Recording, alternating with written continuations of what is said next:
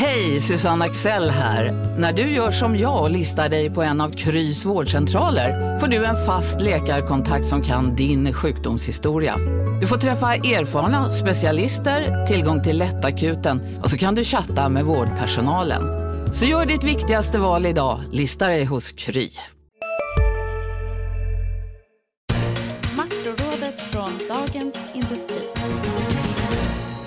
Hej och välkommen till Makrorådet, podden som handlar om de stora ekonomiska frågorna. I panelen idag för första gången denna säsong vill jag välkomna Annika Winst, chefsekonom på Nordea och Johan Javeus, chefsstrateg på SEB. Varmt välkomna in i studion, kul att ses. Tack detsamma. Ja, tack så mycket. Ja, väldigt härligt. Eh, innan vi drar igång, kort formalia. Det är onsdag förmiddag den 27 oktober, ska jag säga. det är inte november än, när vi spelar in det här. Och jag som håller i trådarna heter Viktor Munkhammar. Bra! I dagens podd blir det väldigt mycket svensk finanspolitik. Eh, Vi ska utvärdera Magdalena Anderssons sju år som finansminister. Eh, vi ska också ge oss på det finanspolitiska ramverket. Är det möjligen så att eh, det behövs en förtida översyn av det? Det rör ju på sig i den världen, exempelvis i EU. Eh, vi ska få ett ekonomiskt begrepp med koppling till detta. Det är lite mer av en relation kanske än ett begrepp denna gång. Och så i den andra halvan får vi spaningar och på slutet veckans viktigaste. Där har ni upplägget. Eh, Johan, vi börjar då med Magdalena Andersson. Det är S-kongress nästa vecka. Hon ska väljas, krönas, eh, vilket uttryck man nu vill använda, till partiledare. Eh, och eh, går därmed i mål, tror vi i alla fall, eh, med sina sju år som finansminister. Hur vill du sammanfatta den här perioden? Ja, men man får ju säga så här att jag tycker att det har väl ändå gått rätt så bra. Ska man ge henne något betyg enligt den gamla skalan 1 till 5 så skulle jag nog ge henne en 4 i alla fall. Ja. Eh, möjligen då med ett litet minus. Eh, och det är mest beroende på att jag tycker ändå att hon har haft en relativt sett lätt resa. Och då menar jag inte att det är lätt att vara finansminister, det är ett jättesvårt jobb. Men, men jämfört med sin företrädare i alla fall så har det varit lite enklare. De här åren som hon har varit finansminister har ju varit goda tillväxtår, eh, stigande börser, fallande räntor, vilket naturligtvis är ett underverk för statsfinanser och eh, någonting som gör varje finansminister rätt så glad.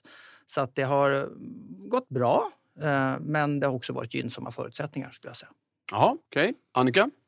Ja, jag ger också henne godkänt, men eh, jag satte en trea, kanske med ett plus på eh, efterhand. Och jag ser det som så att det mest centrala är ju att man ska undvika kriser och skapa förtroende för de offentliga finanserna. Det är A och O eh, och det har hon ju lyckats att göra.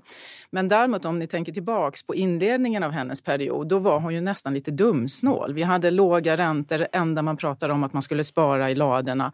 Eh, och det blev nästan absurt med den låga skuld vi hade och räntorna. Det finns ju kloka investeringar man kan göra för att vi ska bli mer konkurrenskraftiga i framtiden, men det var inte på tal då. Nu istället har hon gått åt andra hållet och man, jag är ödmjuk inför den situation hon är i. Det är inte lätt med, med alla de partierna som ska vara med. Men nu är det ju nästan så att man är lite slarvig med skattebetalarnas pengar.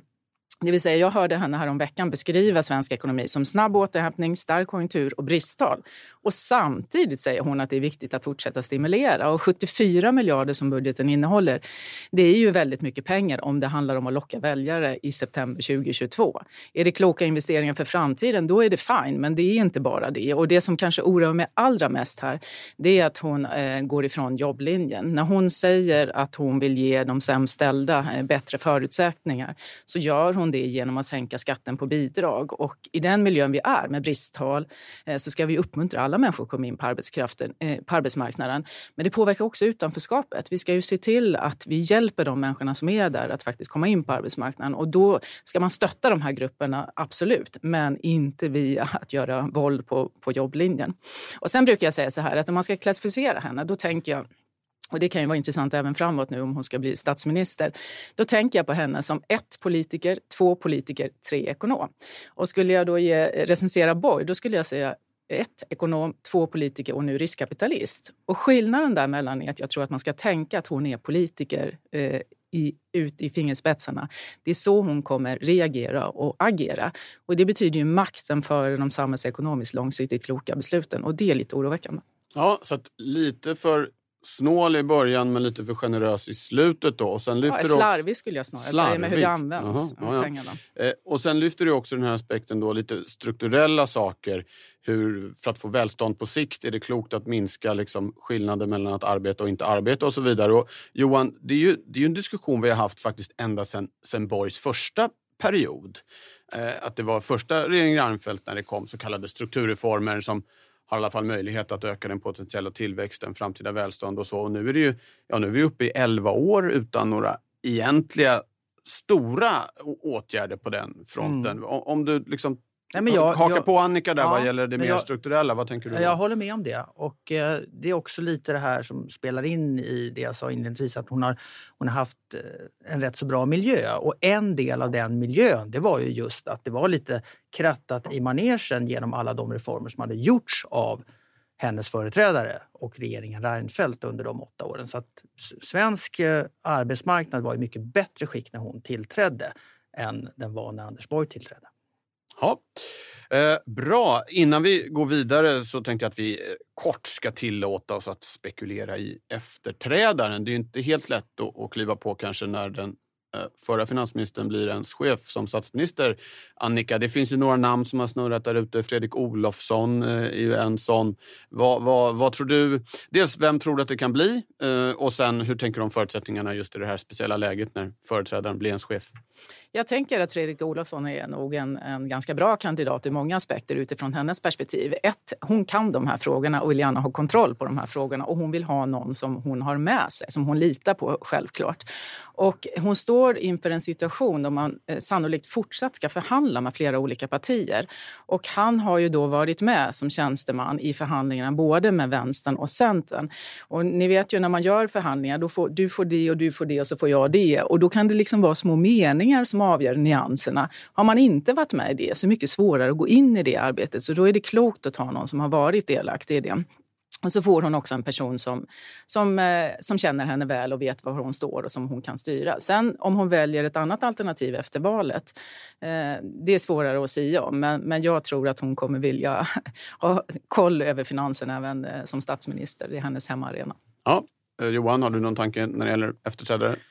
Alltså jag tror jag att det kommer att vara en eh, stabil och rätt erfaren person. Någon från regeringskretsen skulle jag tippa. Och gärna kanske då med lite högre profil. Eh, tror jag kan underlätta diskussioner med Centern eh, som jag tror blir en förutsättning om man ska kunna bilda en ny regering efter valet. Så att, men det finns flera kandidater men om jag då inte ska ta samma som Annika så tar jag Mikael Damberg kanske skulle kunna vara Aha. en sån Ja, det är en sån där som, som nämns också. Jaha. Jag tänker att det också ska vara en man eftersom hon är kvinna och någon som inte bor i Stockholm eh, för att också då sprida graserna lite grann. Det kan vara såna saker som ligger i korten. Då blir det ju svårare för Damberg. Mm. Mm. Ja. Och så var det Emma Lennartsson då, som vi också har pratat om. ja, ja, Nej, ja. Men alltså, generellt så besöker man ju liksom, ja, ja, sprida grasen. Ja. Bra! Uh, det där reder ut sig så småningom, får vi hoppas att vi får en ny finansminister. Uh, vi håller oss som sagt kvar i den finanspolitiska världen. Uh, precis innan vi klev in i studion här så kom Riksgälden som ju bland annat sköter statens upplåning med en ny prognos över statsfinanserna och ännu en gång får man väl säga så fick gälden justera i riktning mot ett större överskott. Eh, tidigare har det varit i riktning mot mindre underskott. Nu med 55 miljarder till för innevarande år och 2022 i relation till den tidigare prognosen. Eh, helt kort bara, i år väntas ett överskott på 22 miljarder, nästa år på 94.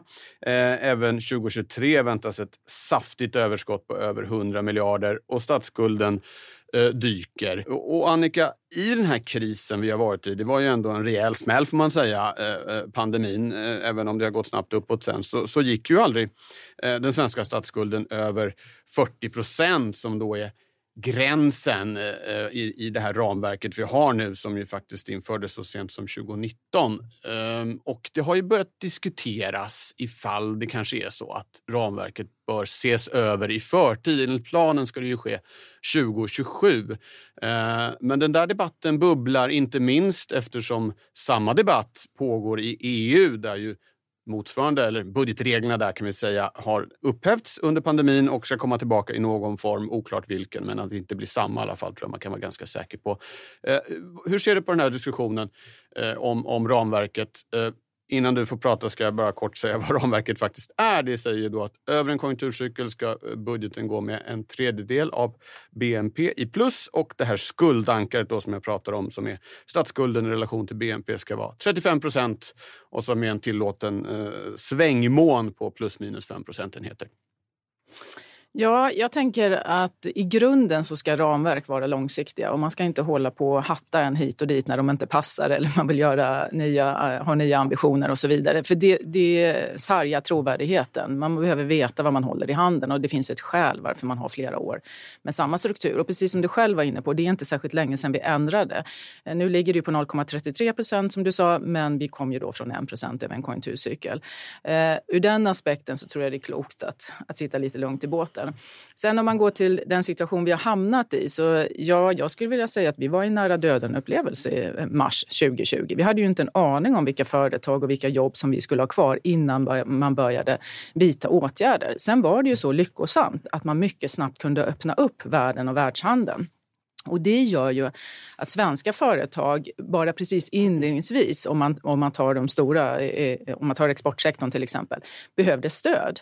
Och istället för att då behöva få fortsatt stöd eh, så kunde de då eh, betala skatt och behålla sin personal. Och det betyder också att personalen, hushållen, har heller inte behövt bidrag i samma utsträckning utan man har eh, eh, snarare kunnat betala skatt för att man har gått till sitt jobb. Så att vi har ju haft en enorm fördel av att vi har den sortens produktion, näringslivsstruktur som vi har jämfört med länder, till exempel i södra Europa där man är mycket mer beroende av turistnäringen. Så att eh, ja, vi har ju blivit överraskade över hur snabbt det har förändrats, men det ligger väldigt mycket i eh, näringslivsstrukturen. Och eh, man, man behöver ju fundera över mm, hur, hur ska man använda de här pengarna om vi då har så stora överskott? Och då vill jag igen påtala det som jag sa tidigare här, att det är viktigt att rusta Sverige så att vi är konkurrenskraftiga i framtiden. Det sker stora förändringar i samhället, allt från att man ställer om till mer hållbart. Vi har teknikutvecklingar som pågår alltid, eh, men som också är påtagliga nu.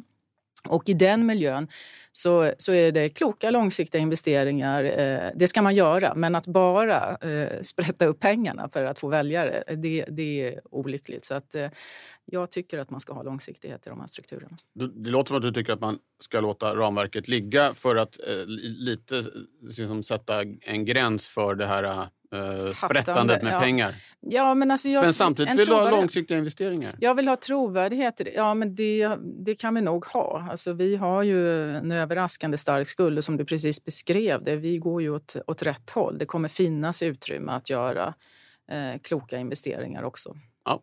Johan? Ja, jag kommer väl egentligen rent principiellt från exakt läge där jag tycker att eh, överskottsmål generellt sett är lite problematiska. För vad det innebär är egentligen att vi i vår generation då sparar åt framtida generationer som egentligen faktiskt kommer få det bättre materiellt sett än vad vi har haft. Åtminstone om man får se hur historien har, har varit. Så att eh, eh, på det sättet så är de lite problematiska. Så att jag tycker väl att eh, det är viktigt det här med investeringar, absolut. Eh, jag tror att de investeringarna kan samhället, ekonomin, landet göra utan att staten behöver vara den som alltid är garant för det. Och eh, jag skulle nog tycka att det är bättre med lite lägre överskott och också då lägre skatter och den vägen försöka frigöra mer pengar till, till investeringar som är viktiga för framtiden. Så du skulle kanske förorda då ett balansmål istället? Ja, det alltså det vill säga ja. att man siktar på noll ja, i snitt? Det skulle kunna vara absolut ja. ett, ett sätt att... Uh... Som ju råkar vara det Magdalena Andersson faktiskt också vill ha. Ja, vi får Ja. väl se om hon får som hon vill. Då. Ja, ja. Annika, det ser skulle- inte jag uteslutet eh, när vi gör vår omvärdering. Eh, sen kan ju den skyndas på om eh, vi får det, ser liknande mönster i, Europa eh, där diskussionen pågår. Men, men för mig handlar det mycket om att det ska inte vara så att man misstänker att politikerna använder, ändrar strukturen för att få igenom det de själva vill göra. En- En annan sak som har hänt är ju också att det finns ett uppenbart behov av att ställa om med hänsyn till klimatet och det är en sak som diskuteras vad gäller EU just att man skulle ha dela upp, kanske låta investeringar, så kallade gröna investeringar, jättestort problem förstås att definiera vad är det, eh, men, men att de ska ligga utanför det normala regelverket och att man ska kunna tillåta sig större eh, skulder, kanske större underskott om det handlar om den typen av ja, livsnödvändiga investeringar kanske vi kan säga. Eh, lite samma tanke då det här gamla ha en driftsbudget och en kapitalbudget, alltså en, det vanliga löpande och så någon investeringssida. Eh, inte helt omöjligt att det är det som kommer ramla ut av diskussionerna som pågår i, i EU. Eh, hur skulle det påverka liksom, det svenska ramverket tror du Annika? Jo, men det är klart att Sverige vill ju jättegärna hålla fanan högt vad gäller hållbarhetsfrågorna och eh, jag tror det är svårt att gå, gå allt för hårt emot den där. Men, men eh, det är som du säger väldigt komplext. Vad är grönt? Och det ser vi också lite grann olika på hur man kan använda de investeringspengarna. Och jag tror där som Johan att egentligen så är det ju företagen, näringslivet som ställer om. Nu hör man ju i stort sett alla politiska partier slå sig för bröstet för det som hände i norra Sverige, men det är ju faktiskt näringslivet som gör de investeringarna, mycket med riskkapital. Eh, så att det jag menar att politikerna ska göra, det är att de ser till att rita kartan så att näringslivet har möjligheter att vara i Sverige och bygga eh, de här hubbarna med utveckling, teknik, forskning som gör att vi ställer om. Det är den bästa förutsättningen. Det är inte de som ska göra de investeringarna, men för att man ska kunna göra det så behöver man ju till exempel hållbar energiförsörjning i hela landet.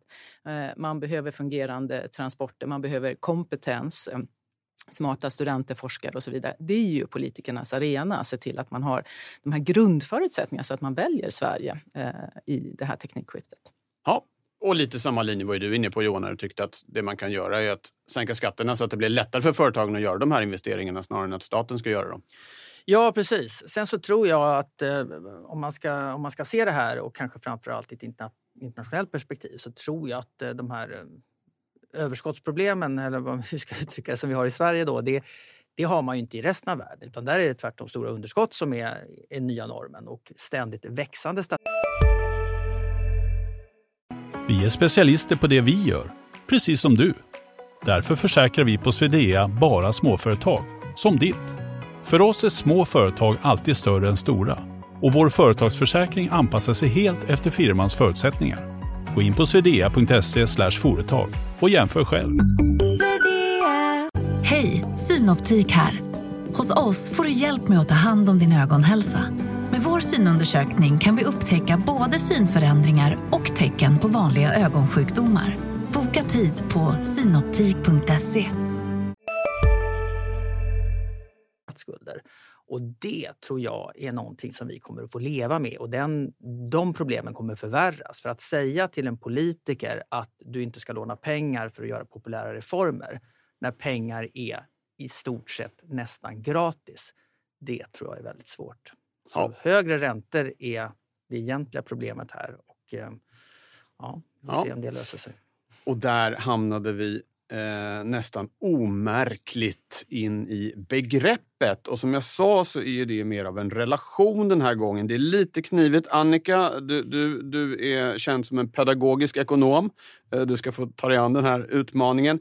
Eh, och det handlar om just räntor i relation till tillväxt. En anledning till att man man säger jag, många i alla fall ser lite annorlunda på finanspolitiken nu är att vi har haft ett läge ganska länge där tillväxttakten har varit högre än räntan. G har varit större än R. Eh, och så har det inte alltid varit. Men det här innebär att det går att tillåta sig löpande underskott utan att man riskerar att statsskulderna liksom exploderar. Risken är i alla fall mindre. Försök reda ut det här, varför, varför, varför det är så, så viktigt huruvida tillväxttakten är högre eller lägre än räntan. Mm.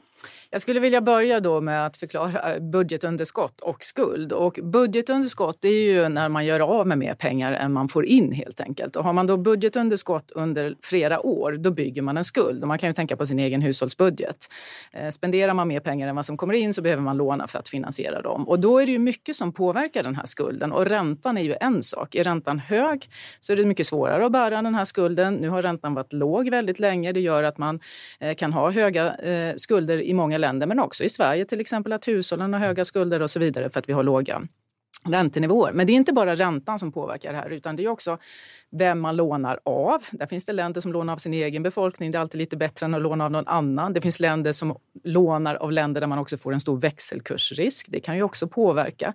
Så att eh, när man tittar på den här skulden som man då bygger med de här underskotten, eh, då säger inte den i miljarder så mycket. Så att Sverige har ju en, en, en skuld på drygt tusen miljarder. Eh, om man inte sätter det i relation till någonting så har man inte en aning om vad man pratar om. Och då brukar man sätta det i relation till BNP, det vill säga eh, tillväxten.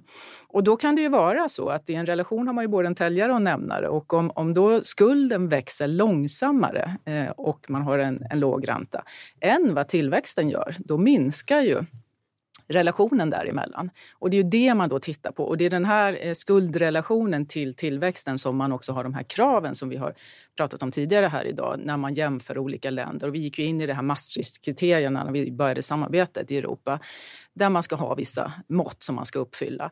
Och där skuldkravet är ett sånt eh, mått till exempel. Så att eh, om det är bra eller dåligt att ändra på det, för det pågår ju då en diskussion i Europa också, det skulle jag säga, det beror väldigt mycket på vilket land det är och var man kommer ifrån. Och, och Johan var inne på det lite grann innan. Många länder har höga skulder. De är ju i en helt annan situation än den som vi är i Sverige.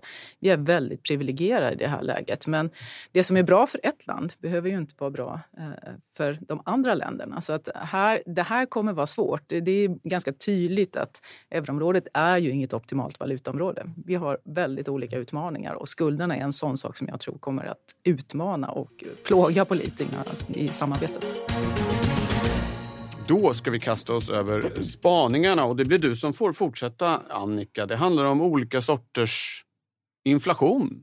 Är det, eller, det är bäst att du säger själv. Ja, så blir det rätt. Eh, jag tänker så här, att jag kan inte åka någonstans i stort sett i mitt jobb idag utan att den första frågan är, ja men nu har vi väl ändå inflation. Nu händer det ju. Och eh, läser man media eller sociala medier så florerar det överallt, även i ekonomiska papper, allt mer. Och nu är det inte bara inflation man pratar, utan man pratar också hyperinflation och man pratar stagflation. Och jag tänker att när alla rusar åt samma håll, eh, då är det klokt att ta ett steg tillbaka fundera över vad är det här egentligen? Och om vi börjar med hyperinflation, då handlar ju det om att man ska ha mycket snabbt accelererande inflation. Man, det finns de som menar att man till och med ska ha 50 upp varje månad. Där är vi ju väldigt långt ifrån, så att, eh, det känner jag inte riktigt att det är det som ligger runt hörnet. Har vi stagflation, då handlar det om att man har låg tillväxt samtidigt som man har hög arbetslöshet och hög inflation, alltså den sämsta av världar man kan vara i. Då får man fråga, är vi där nu? Ja, vi har ju inte låg tillväxt. Det är ju snarare så att vi har brist på insatsvaror, och komponenter i stora delar av världen. Eh, vi, vi, kanske är på väg att vika ner från de högsta tillväxttalen men det är ju fortfarande en god fart i ekonomin. Och eh, vi har då inte heller eh, de utmaningar på arbetsmarknaden som bara handlar om arbetslöshet utan det är lika mycket brist på kompetens. Däremot har vi ju då högre inflation. Och det är ju inte så konstigt. Eh, vi kommer från en period där man har stängt ner hela världen, gjort fullständig våld på den struktur som vi har byggt upp i decennier med de här värdekedjorna mellan olika företag, länder, regioner och så vidare. Och sen är man då överraskad över att inte allt har hittat rätt efter ett och ett halvt år. Jag tror att vi ska vara ödmjuka. Det kommer att vara prisstörningar så länge vi har för låg vaccinationsgrad. Sen är ju nästa fråga, är det här varaktig inflation eller är det mer tillfällig inflation? För det är ju det som avgör om centralbankerna ska agera på den. Och då är det väl tecken på att den, risken är större än på länge och att den varar lite längre än vad vi också tänkt oss. För samtidigt i de här förändringarna från pandemin så har vi ju dessutom en omställning som gör att man kräver mycket energi och energipriserna går upp och så vidare. Så att eh, det finns en större risk än, än på länge, men vi är inte där eh, ännu. Men risken är ju när många tänker det, då ökar pressen på centralbankerna. Det vill säga det blir självuppfyllande att inflationsförväntningarna stiger. Och jag har länge varnat för att det är väldigt dumt och faktiskt farligt att stimulera i goda tider. Att man stimulerar i kristider, självklart, både under finanskrisen och, och pandemin.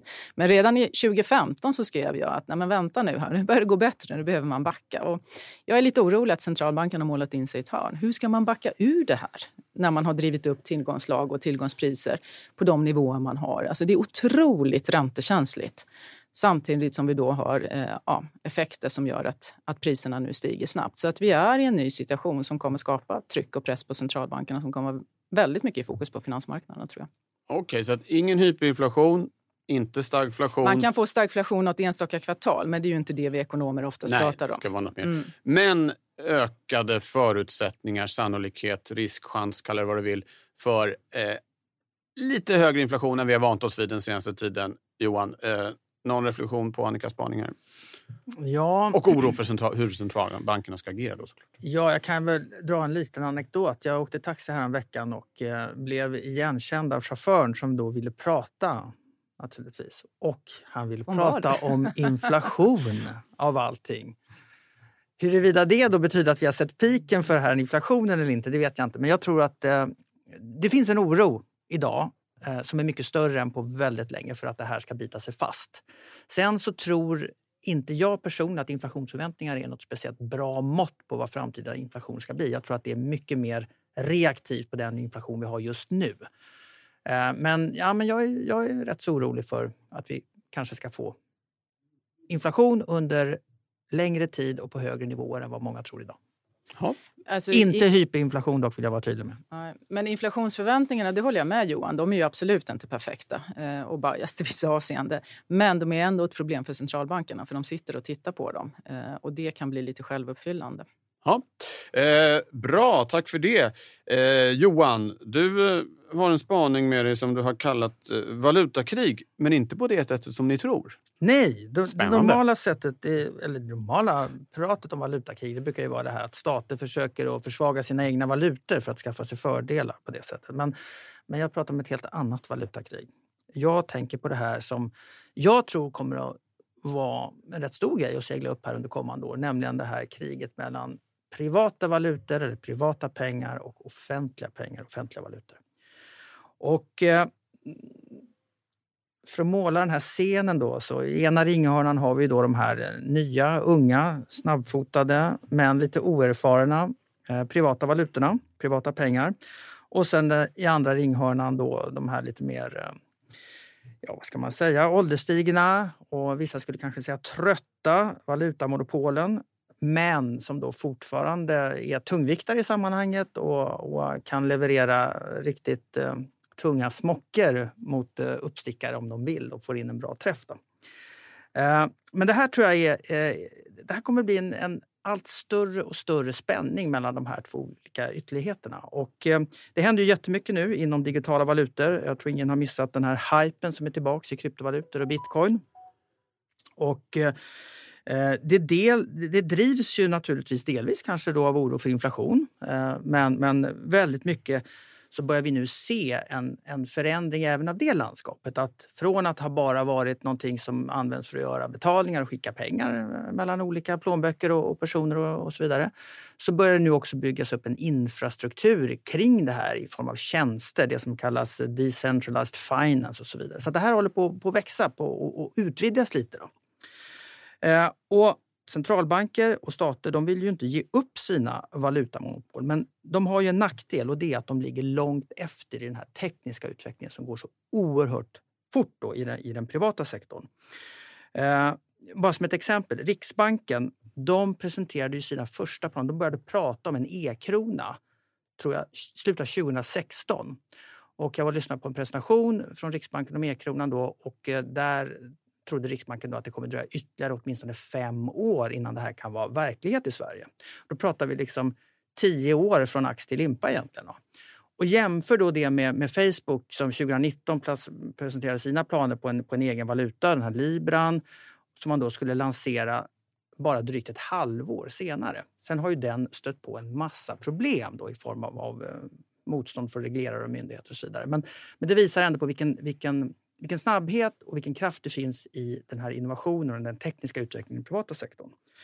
Och mot det eh, så har vi då de traditionella valutorna som kan köpa sig tid genom de här, det här regleringsvapnet som jag tror att man kommer använda i väldigt stor utsträckning då för att se till att de här att man inte blir omkörd och överkörd kanske i, i, värsta fall av de här privata alternativen som håller på att växa upp nu väldigt, väldigt Som fort. vi har sett i Kina här på slutet exempelvis. Kina är det absolut bästa mm. exemplet då och där har vi ju en stat som har en enorma möjligheter att faktiskt bestämma förutsättningar för allting. Jag tror att den här kampen, om man då får uttrycka det så, den kommer ju bli jämnare i USA och i Europa där vi då har mer av en, en rättsstat och, och, och, statens inflytande och makt är inte lika stor som den är i Kina. Då.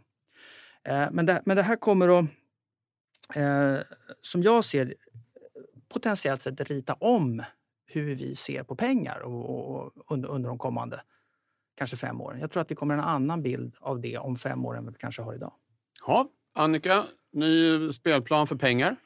Ja, det, det, går väldigt fort. Eh, och jag tycker nog att den politik som centralbank, centralbankerna har drivit är lite grunden för det här. För att när man trycker så här mycket pengar, då blir folk oroliga för inflation och då måste man hitta ett alternativ. Och kryptovalutorna startade delvis på grund av, eh, av den risken.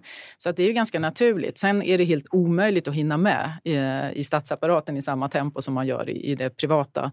Eh, men det som jag hoppas på, som jag tycker känns väldigt viktigt och centralt att det kommer på plats det är att den amerikanska centralbanken börjar titta på regleringen. För de är, måste vara först ut på något sätt och sen följer man efter.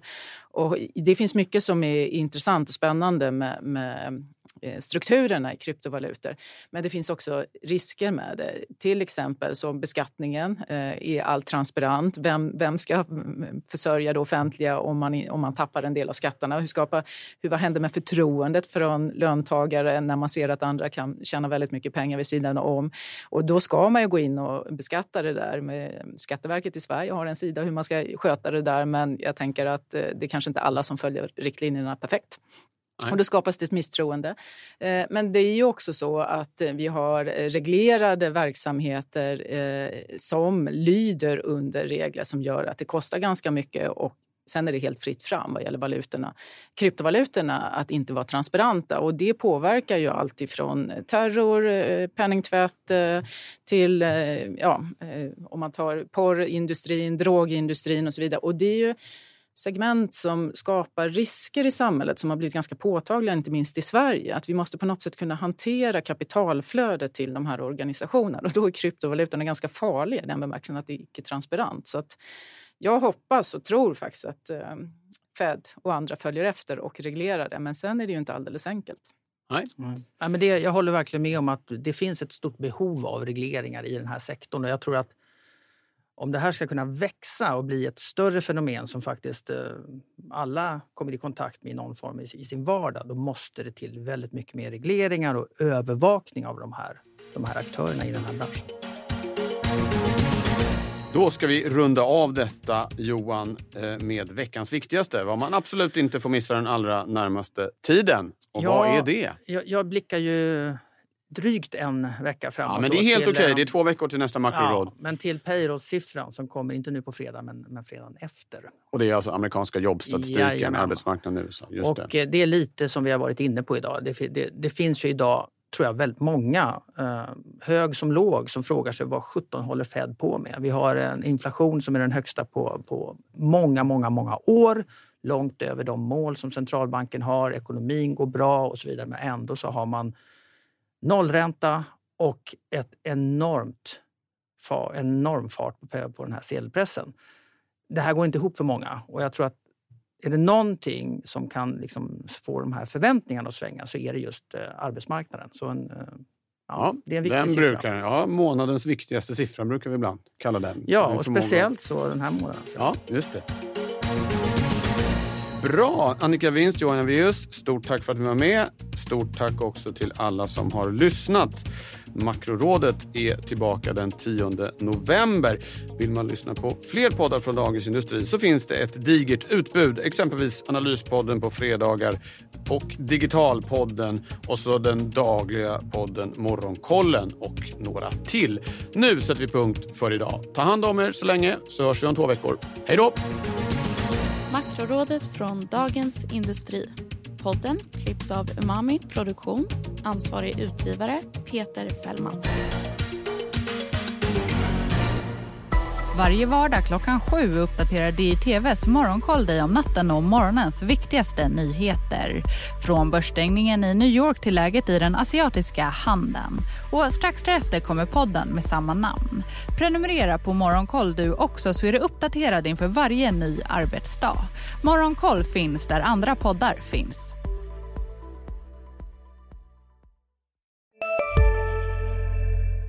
Välkommen till Maccafé på utvalda McDonalds restauranger med Baristakaffe till rimligt pris. Vad sägs om en latte eller cappuccino för bara 35 kronor? Alltid gjorda av våra utbildade baristor. Ska några små tassar flytta in hos dig? Hos Trygg Hansa får din valp eller kattunge 25% rabatt på försäkringen första året. Läs mer och teckna djurförsäkringen på trygghansa.se. Trygg Hansa, trygghet för livet.